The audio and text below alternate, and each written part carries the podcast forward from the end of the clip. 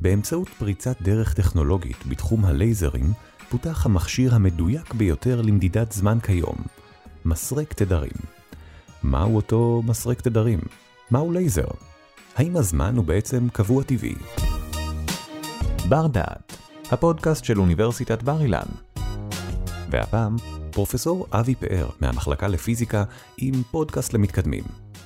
הקוונטים ישנו את העולם, פרק 5, הזמן הוא קצף.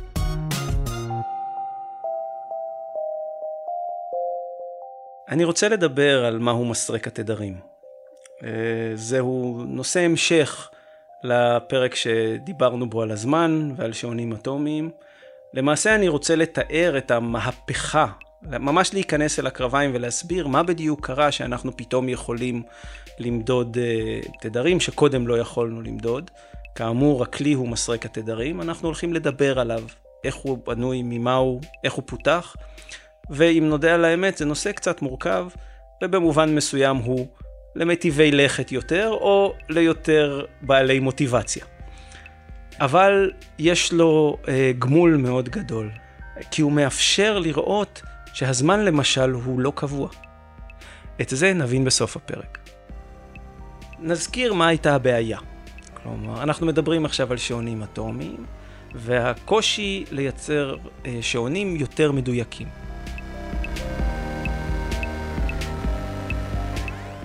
אז עכשיו נזכיר מה זה שעון אטומי. שעון אטומי הוא אה, קודם כל שעון, ושעון הוא מתנד, משהו שמתנדנד בקצב קבוע, ומונה, משהו שסופר אותו. עכשיו, האטומים פה נמצאים כדי לוודא שהקצב הוא באמת קבוע ואחיד בכל העולם. כלומר, אנחנו לוקחים איזשהו מתנד, משהו שמייצר קרינה מתנדנדת, מאירים אותו או שולחים אותו אל האטום, ומוודאים שהוא בתדר שמתאים למעבר של האטום, למעבר אה, אלקטרוני של אלקטרונים בתוך האטום. אם הוא מתאים, אז זאת אומרת שהוא בתדר הנכון, ואנחנו נמנה אותו. אם הוא לא בדיוק מתאים, נתקן את התדר, ועדיין נמשיך למנות אותו. כלומר, אנחנו כל הזמן נשמור עליו מחובר לאטומים. מה הבעיה? מעברים אטומיים, יש מעברים נהדרים, שהם מאוד מאוד מצוינים לשעונים, מאוד צרים בתדר, אבל הם נמצאים בתדרים שהם אופטיים, כלומר הם מאוד מהירים, בקצב של מאות טרה-הרץ, והמעברים האלו, למרות שהם נהדרים, אי אפשר למנות אותם. זאת אומרת שאני יכול לקחת לייזר שפולט אור בדיוק מתאים למעבר, ואני יכול לנעול אותו אל האטום. כלומר, אני יכול לדאוג שהוא יתנדנד בדיוק בקצב של האטום. ועכשיו אני יודע שיש לי לייזר שהוא שעון מופלא, אבל אין לי דרך למנות אותו.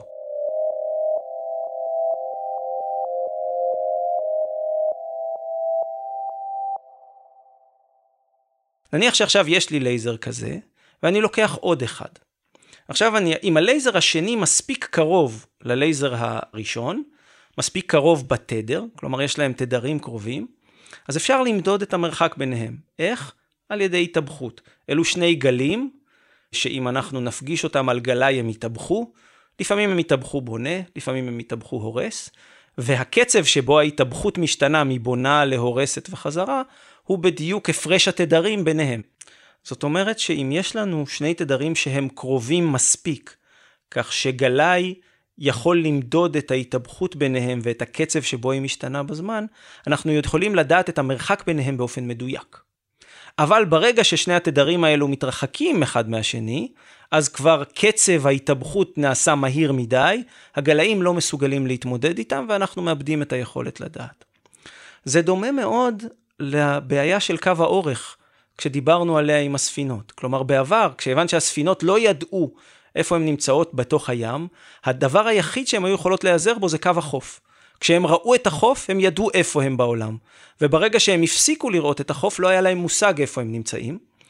וזאת הייתה בעיה מאוד גדולה, שבאמת באופן היסטורי נפתרה על ידי שעונים. אבל בואו נתאר לעצמנו פתרון אחר, שגם הוא עקרונית אפשרי.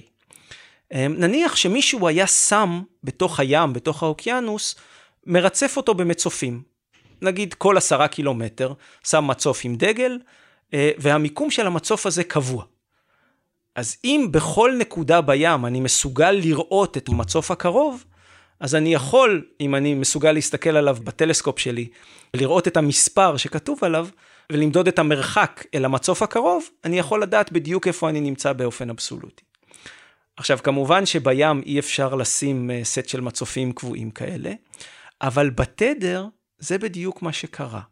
כלומר, אם קודם התדרים הנעולים לאטומים היו עוגנים, שביחס אליהם הייתי צריך להיות קרוב כדי לדעת איפה אני נמצא ביחס אליהם, עכשיו אפשר לרצף את כל המרחק מהאי הזה, שאני רוצה לדעת בדיוק איפה הוא נמצא, עד ללונדון, שאותה אני יודע בדיוק איפה היא נמצאת, ואם לי, יהיו לי מצופים בכל המרחק הזה, אז אני אדע למדוד בדיוק איפה כל דבר נמצא, וגם למקם את עצמי בכל מקום בים. וזה מה שנותן מסרק התדרים, ומכאן גם שמו. הוא מסרק תדר, יש בו במרחקים קבועים בתדר, מרחקים של בערך 100 מגה הרץ או 1 גיגה הרץ, יש בו שן, דגל, שהיא תדר אופטי, שאנחנו יודעים בדיוק איפה היא נמצאת ואפשר להיעזר בהם בדיוק כמו מצופים על פני האוקיינוס של התדרים. ומטרתנו הפעם היא להבין קצת טוב איך קורה דבר כזה, מה זה הדבר הזה שיודע לתת לי את המצופים האלה, אני אספר לכם בסוד זה לייזר. זה לייזר מסוג מאוד מיוחד, וזה גם לייזר שהתפתח מכיוון מאוד לא צפוי. מפני שהאופן שבו התפתחו הלייזרים האלו בכלל לא היה קשור לא למדידה של זמן ולא למדידה של תדרים. אמ, אלא דווקא לניסיונות לייצר פולסים מאוד מאוד קצרים. בעיקר זה היו אנשים שמעוניינים לשבור משהו עם לייזר. זה בכלל נטייה טבעית, אם יש לך פטיש, אתה מנסה לראות איך אפשר לבנות פטיש יותר גדול, ובעזרתו לשבור דברים יותר משמעותיים. זה יכול להיות לשבור מולקולה, זה יכול להיות אה, אפילו לבנות מערכת נשק. האנשים האלו, כל מי שרוצה לייזר חזק, אה, שיודע לעשות הרבה נזק, הוא יהיה מעוניין אה, לייצר לייזר עם הספק גדול, אבל חוץ מזה הוא גם יהיה מעוניין לייצר פולס מאוד קצר בזמן. משמע הבזק מהיר של אור. אז האנשים האלה שעוסקים בפולסים מאוד מאוד קצרים, חיפשו דרכים לייצר כאלו פולסים, כלומר לבנות לייזרים שזה מה שהם עושים. הם לא חשבו בשום צורה על מדידת זמן או תדר, אבל מה שיצא להם בסוף זה אותו מכשיר שמאפשר לעשות מדידה מאוד מדויקת של תדר, ולכן עכשיו אנחנו רוצים לעשות קצת הפסקה ולדבר על מה זה לייזר בכלל, וספציפית איך יוצרים לייזר של פולסים קצרים. בסוף זה יתקשר לנו בחזרה למסרק התדרים.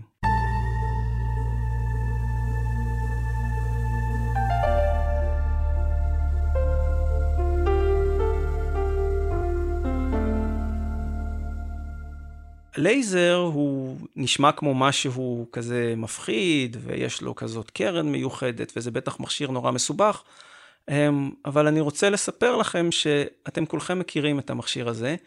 אולי אתם לא מכירים אותו מבחינת הקרביים האופטיים של הלייזר האופטי, אבל אתם שמעתם לייזר המון פעמים.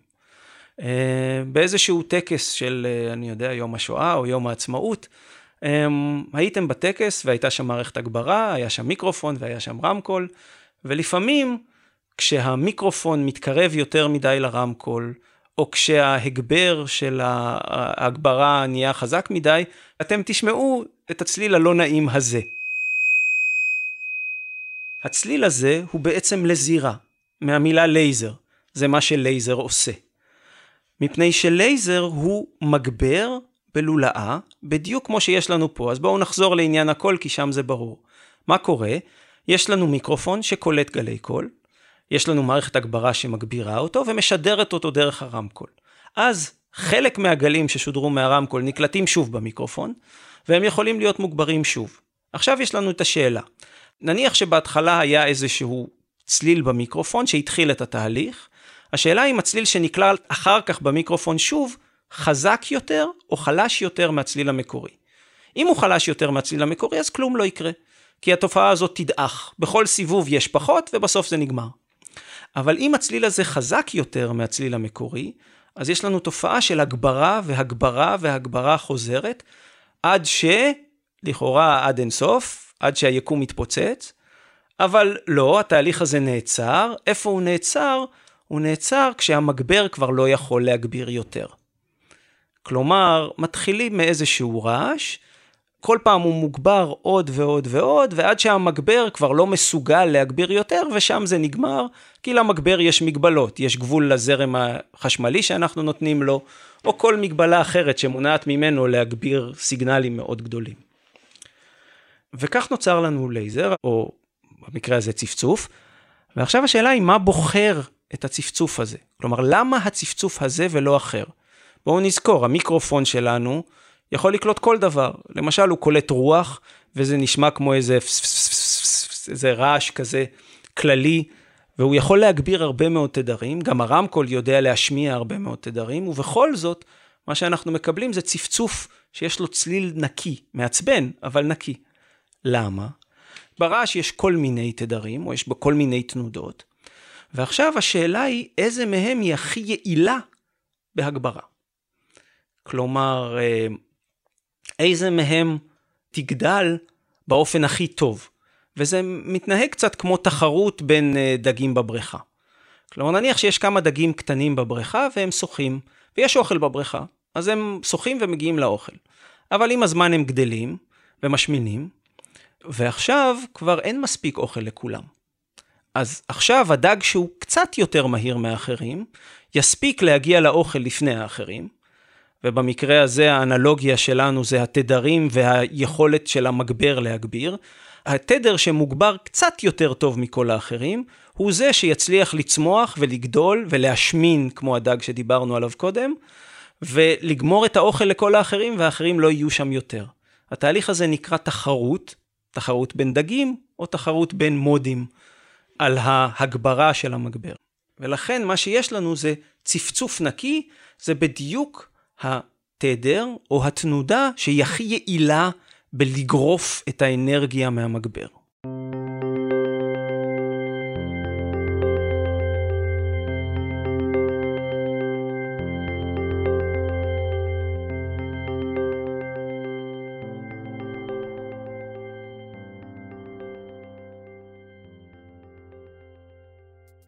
באור התהליך הוא מאוד דומה, יש לנו מגבר שיודע להגביר גלי אור, ויש לנו שתי מראות שמחזירות את האור שיוצא מהמגבר בחזרה פנימה.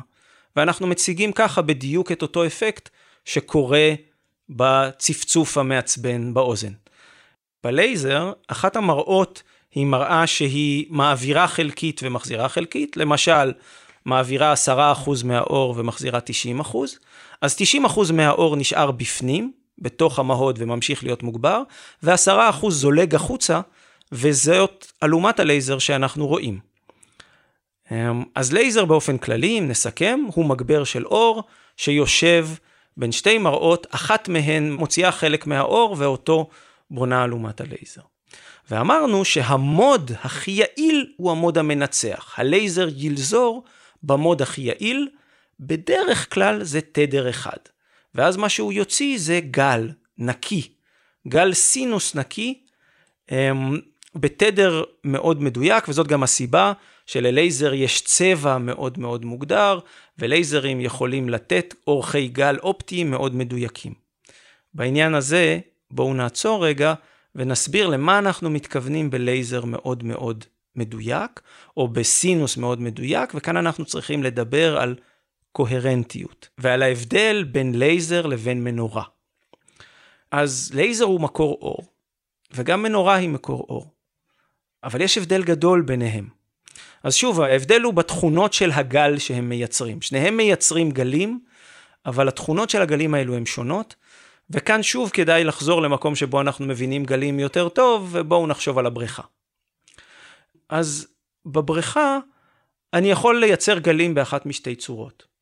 דרך אחת, אני יכול להביא עשרה ילדים לבריכה, להעמיד אותם על שפת הבריכה, ולהגיד להם, יאללה חבר'ה, תקפצו פנימה, תצאו, צחקו בבריכה, תעשו מה שאתם רוצים, תשתוללו. הדבר הזה יעשה גלים בבריכה. אבל הגלים האלו יהיו מאוד רועשים, לא מסודרים, ובעיקר בלתי ניתנים לחיזוי. אם אני יודע איך נראה הגל עכשיו, אין לי מושג איך הוא ייראה בעוד חצי שנייה, מפני שהילדים האלה, לך תדע מה הם יעשו.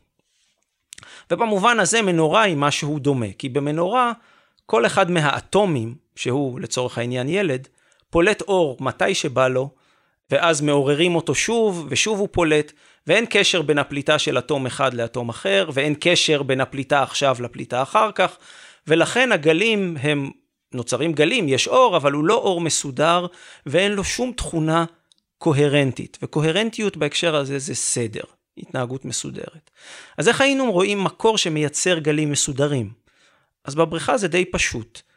או שתיקחו את כל הילדים האלו ותעמידו אותם על שפת הבדיחה ותגידו להם כולם ביחד לקפוץ עכשיו, או אפילו יותר פשוט בואו ניקח מנוע, ניקח קרש, נניח אותו בבריכה, נחבר אליו מנוע שמעלה אותו ומוריד אותו, והדבר הזה ייצר גל מסודר ויפה ומישורי ואחיד בזמן ובמרחב, והדבר הזה, זאת אומרת, אז זאת קוהרנטיות של גל, העובדה שהוא מסודר, או יותר נכון, אם אנחנו מדברים על סינוס, על גל סינוסי, אנחנו מדברים על גל שאם אני יודע איך הוא נראה עכשיו, אני גם יודע לחזות איך הוא ייראה בעוד זמן. כי אני יודע להמשיך את הסינוס בעיני רוחי, ולדעת מה יהיה בעוד כך וכך זמן, חצי שעה, שעה. אבל בואו נודה על האמת, סינוס אמיתי לא קיים אף פעם. כלומר, אני יכול בסוף לכבות את המנוע ואחר כך להדליק אותו מחדש, ובמקרה הזה אין קשר בין ההדלקות, ולא תהיה לי שום דרך לדעת מההדלקה הקודמת מתי יגיע הגל בהדלקה הבאה. כלומר, כאשר אנחנו מדברים על קוהרנטיות, אנחנו בעיקר מדברים על יכולת חיזוי, על השאלה עד כמה הגל בעוד כך וכך זמן דומה לגל שהיה כאן קודם, ועד כמה אני יכול לדעת את האחד על סמך השני.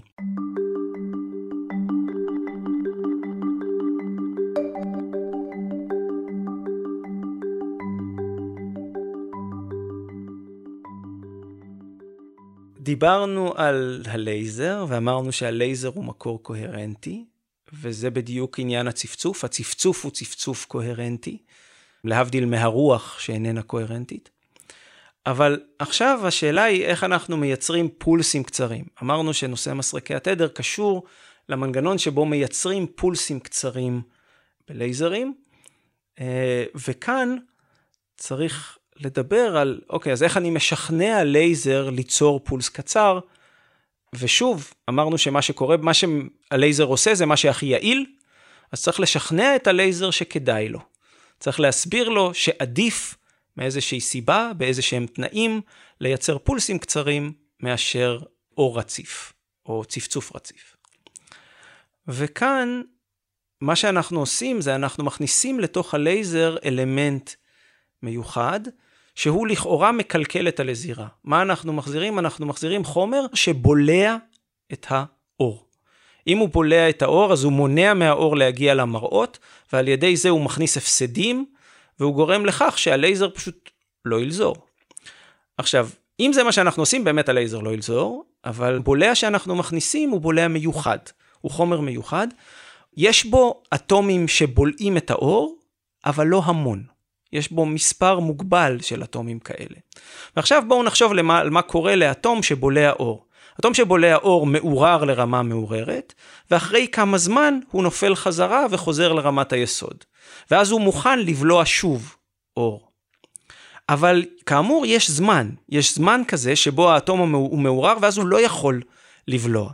זה אומר שאם יש לנו חומר כזה שיש בו מספר סופי ולא מאוד גדול של אטומים בולעים, אם אני מגיע עם פולס קצר וחזק, אז הפוטונים הראשונים, ההתחלה של הגל נבלעת, אבל אז כל האטומים מעוררים למעלה, ועכשיו יש קצת זמן שבו האטומים האלו לא מסוגלים לבלוע אור, ולכן החומר נהיה שקוף. הוא נהיה שקוף לזמן קצר. זאת אומרת, זה קצת דומה למה שקורה במחסום של החניון. כשאתם מגיעים למחסום של החניון, ואני לא יודע, העברתם כרטיס, המחסום נפתח לכמה זמן, ואחרי כמה זמן הוא ייסגר. אם יש מישהו מאחוריכם שנצמד אליכם בדיוק, הוא יצליח לעבור יחד איתכם ולא יצטרך לשלם. עכשיו, במקרה שלנו זה בדיוק מה שקורה, רק שהתשלום הוא במכוניות. המכוניות הראשונות שמגיעות אל המחסום מתנגשות בו ושוברות אותו, ואז יש כמה זמן עד שהבנאים יגיעו ויבנו את המחסום מחדש, ובינתיים כל שאר המכוניות יכולות לעבור. או במובן שלנו, הפולס שלנו, פולס האור הקצר, יצליח להקריב מעט פוטונים מתחילת הפולס, ואז כל הפולס יצליח לעבור, ואחרי כמה זמן הקיר ייבנה מחדש. זאת אומרת, שללייזר עכשיו כדאי לרכז את כל המכוניות ביחד, או כדאי לבנות, לייצר אור שמגיע בזמן קצר. כי אז כמות המכוניות שילכו לאיבוד, או כמות הפוטונים שילכו לאיבוד על פתיחה וסגירה של המחסום, או של הבולע המתרבה, הזכרנו את זה קודם, יהיה קטן. ובמקרה הזה, הלייזר יעשה בדיוק את הדבר הזה. אם זה הדבר הכי יעיל, זה מה שהוא יעשה, הוא ירכז את הקרינה בזמן קצר, וכך ייווצרו פולסים קצרים שרצים בתוך המהוד הלוך וחזור בין המראות. אז מה שאנחנו רואים מחוץ ללייזר, מה שאנחנו רואים יוצא מהלייזר, זאת רכבת של פולסים, שהמרחק ביניהם הוא בדיוק זמן המחזור של הפולס בתוך המהוד עצמו. כל פעם שהפולס פוגע במראה, חלק ממנו זולג החוצה, ואת החלקים האלו אנחנו רואים. אבל עכשיו בואו נשים לב. כל הפולסים הקטנים האלו, שלכאורה הם נפרדים בזמן, ולא דורכים אחד על השני, ולא פוגשים אחד את השני, הם כולם בניו של אותו פולס שרץ בתוך המהוד. ולכן הם קוהרנטיים זה עם זה. יש ביניהם קשר מדויק, הם עותקים זהים של אותו פולס, זה כבר לא הדלקות שונות של אותו לייזר, זה לא הבהוב של מנורה, אלא זה אותו פולס שרק מופיע לנו בזמנים שונים. ובקשר הזה אפשר להשתמש. עכשיו יש לנו מין משהו בחוץ, שהוא גם מאוד קצר בזמן, וגם מאוד ארוך בזמן. מה קצר? הפולס עצמו. מה ארוך? הקשר בין פולסים. והקשר הזה יכול להיות מאוד ארוך בזמן, והוא יכול להיות ארוך בדיוק כמו אורך הקוהרנטיות של לייזר רציף הכי טוב שאפשר לעשות. אז הלייזר הזה הוא מסרק התדרים. למה? למעשה בינתיים תיארנו משהו בזמן. תיארנו תופעה מיוחדת בזמן. תופעה שהיא מצד אחד פולס מאוד קצר, אבל עם מחזוריות מדויקת, שחוזר על עצמו באופן מדויק אחרי הרבה מאוד פעמים ובאופן מדויק בזמן. עכשיו אפשר להגיד, טוב, בואו נסתכל על זה בתדר. מה זאת אומרת להסתכל בתדר? לראות מאיזה תדרים זה מורכב. עכשיו, אם זה היה סינוס אחד, כלומר גל אחד שהוא גל קבוע ואחיד שמתחיל במינוס אינסוף ונגמר בפלוס אינסוף, היה לו תדר אחד בלבד. אבל כאן זה לא הגל שיש לנו, זה גל שנראה כמו תנודה לרגע ואז הפסקה. ואחרי כמה זמן עוד תנודה לרגע והפסקה. והתנודות האלו הן תנודות מאוד מסונכרנות אחת עם השנייה, הסיגנל הזה בדיוק מחזורי בזמן. אם נבדוק את זה, מאיזה תדרים מרכיבים את זה, נקבל מסרק. הדרך, כלומר אם יש לנו סיגנל שמורכב מפולסים קצרים בזמן אבל מחזוריים בדיוק, זה משיקולים של תורת פוריה שלא ממש ניכנס אליהם, אבל אפשר, בינתיים תצטרכו להאמין לי, הדרך להרכיב את זה זה מסט תדרים מדויק שהמרחק ביניהם הוא בדיוק פרופורציוני לתדר הפולסים. אם הפולסים חוזרים כל עשרה ננו שניות, אז המרחק ביניהם בזמן הוא עשרה ננו שניות, והמרחק ביניהם בתדר, בין השיניים בתדר, הוא 100 מגה הרץ, שאם תחשבו רגע, זה 1 חלקי עשרה ננו שניות. וכך יש לנו לייזר שפולט אור, והאור הזה מורכב מאלפי תדרים, אפילו מאות אלפי תדרים, כל אחת מהם הוא שן. המרחק בין התדרים האלו הוא נקבע על ידי המרחק בין הפולסים, והתדר של כל אחד כעיקרון נקבע על ידי משהו, בינתיים על ידי הלייזר עצמו. ועכשיו בא העניין השעון האטומי. כי מה אנחנו נעשה? אנחנו ננעל את התדר האופטי, כלומר את התנודה האופטית של האור אל האטום. אנחנו ננעל את התדר האופטי לאטום, אבל אנחנו לא נמדוד את התדר האופטי, כי אותו אנחנו לא יכולים למדוד. מה שנמדוד זה את הזמן בין פולסים. ומה שקורה בלייזר שלנו, זה שהזמן בין פולסים הוא כפולה שלמה ומדויקת של הזמן של האוסילציה הבודדת, של התנודה הבודדת של האור. אז אם האור מתנדנד בתדר מסוים, הזמן בין הפולסים, או תדר החזרה של הפולסים, הוא בדיוק התדר הזה, חלקי מספר שלם, מוגדר ונוח. למשל, 100 אלף. והנה לכם באמת גלגל שיניים. היכולת לייצר משהו שמתנדנד בתדר גבוה, מה זה? זה התדר האופטי, והזמן בין פולסים הוא בדיוק התדר הזה חלקי 100 אלף, וזאת הדרך לייצר גלגל שיניים שמחלק את התדר האופטי ב-100 אלף ומאפשר לנו למנות אותו. אז הבנתם עכשיו איפה הייתה המהפכה שפתחה לנו את הדרך למדידה של תדרים אופטיים.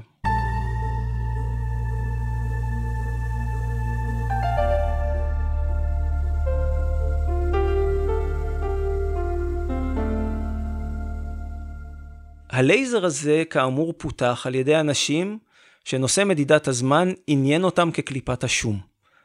הם היו זקוקים ללייזר הזה לדברים אחרים, והתופעה הנפלאה הזאת של קוהרנטיות מיוחדת, של פולסים קצרצרים, אבל עם קוהרנטיות מאוד ארוכה, היא משהו שהוא מאוד שימושי. ויש לו המון שימושים, גם אחרים, שבכלל לא קשורים למדידה של זמן. למעשה, מה שאנחנו עושים במעבדה זה מפתחים לייזרים כאלו, באמת לכל מיני שימושים, גם לשימושים של מדידת זמן ותדר, גם לשימושים של uh, מדידת uh, התנהגות של מולקולות, של פוטוכימיה, של אה, איך מולקולות מתנהגות כשנוגעים בהם עם פולס קצר ומעוררים אותם לתנודות מיוחדות. בין השאר אתם משתמשים בלייזר הזה, או אתם רואים שימושים של הלייזר הזה בטלפון שלכם. אם יש לכם על הגב של הטלפון איזה כיתוב, חריטה, החריטה הזאת נעשתה בלייזר, והלייזר הזה הוא בדרך כלל לייזר של פולסים קצרים. אם ראיתם בסרטים ישנים של ג'יימס בונד, משתמשים בלייזר כדי לחתוך משהו או מישהו, אה, אז נכון, לייזר רציף יכול לחתוך, או יכול אה, אה, לעשות סימנים, אבל הוא עושה את זה מאוד מכוער. בעיקר מפני שלייזר רציף פשוט מחמם את כל העולם, ממיס את המתכת מסביב, שורף. החורים שעושה לייזר רציף הם חורים ממש מכוערים.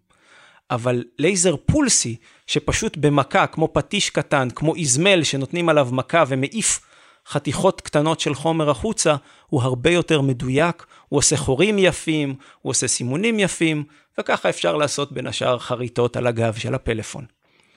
אבל הוא משמש גם לדברים אחרים, הוא משמש למיקרוסקופיה, הוא משמש אה, להדפסת תלת מימד. במדפסות תלת מימד יש אה, למשל אה, אמבט של חומר, שכאשר מאירים עליו בלייזר, אז הוא מתקשה. אבל אנחנו רוצים שזה יקרה בנקודה מסוימת. אז אנחנו צריכים שבנקודה הזאת תהיה עוצמה גבוהה, ורק שם. כלומר, זה תהליך שקורה רק כאשר העוצמה גבוהה, ואם אנחנו רוצים עוצמה גבוהה, אז הנה אמרנו פולסים. אז uh, הלייזרים האלו יש להם המון שימושים, שהם הרבה יותר חורגים מהנושא של uh, uh, מדידת זמן ומדידת תדר, אבל אם התחלנו בשעונים אטומיים, אז בואו נחזור אליהם.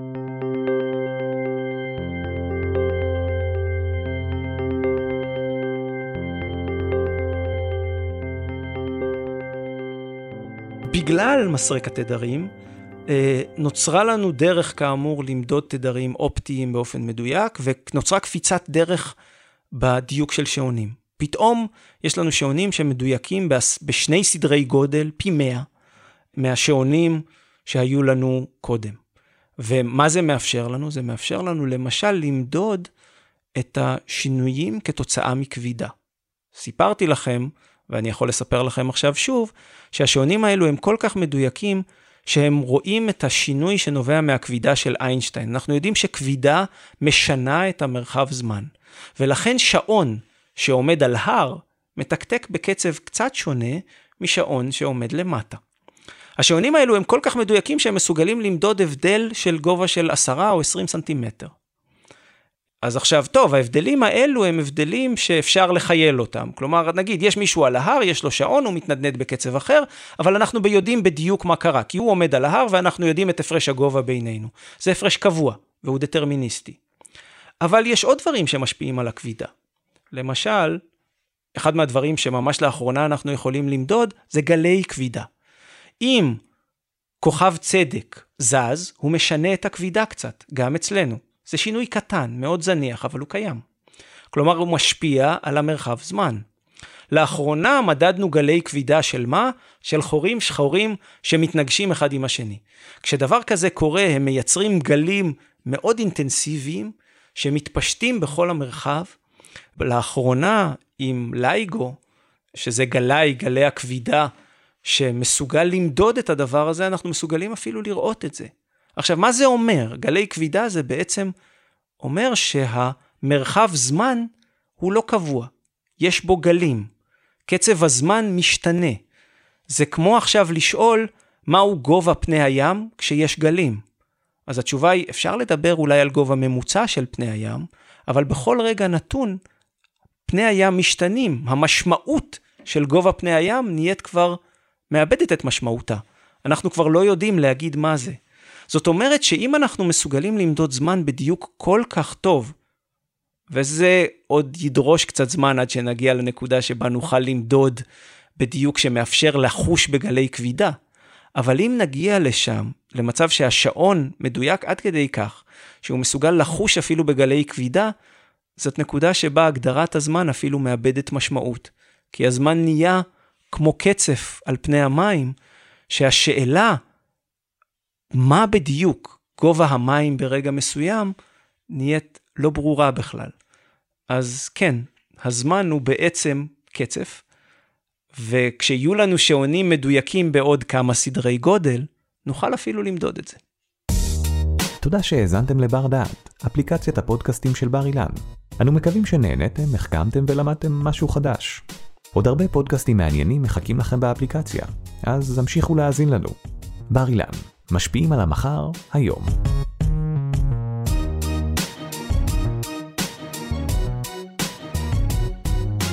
עורך דור קומט מפיק ראשי אורי טולדנו. תודה על ההאזנה.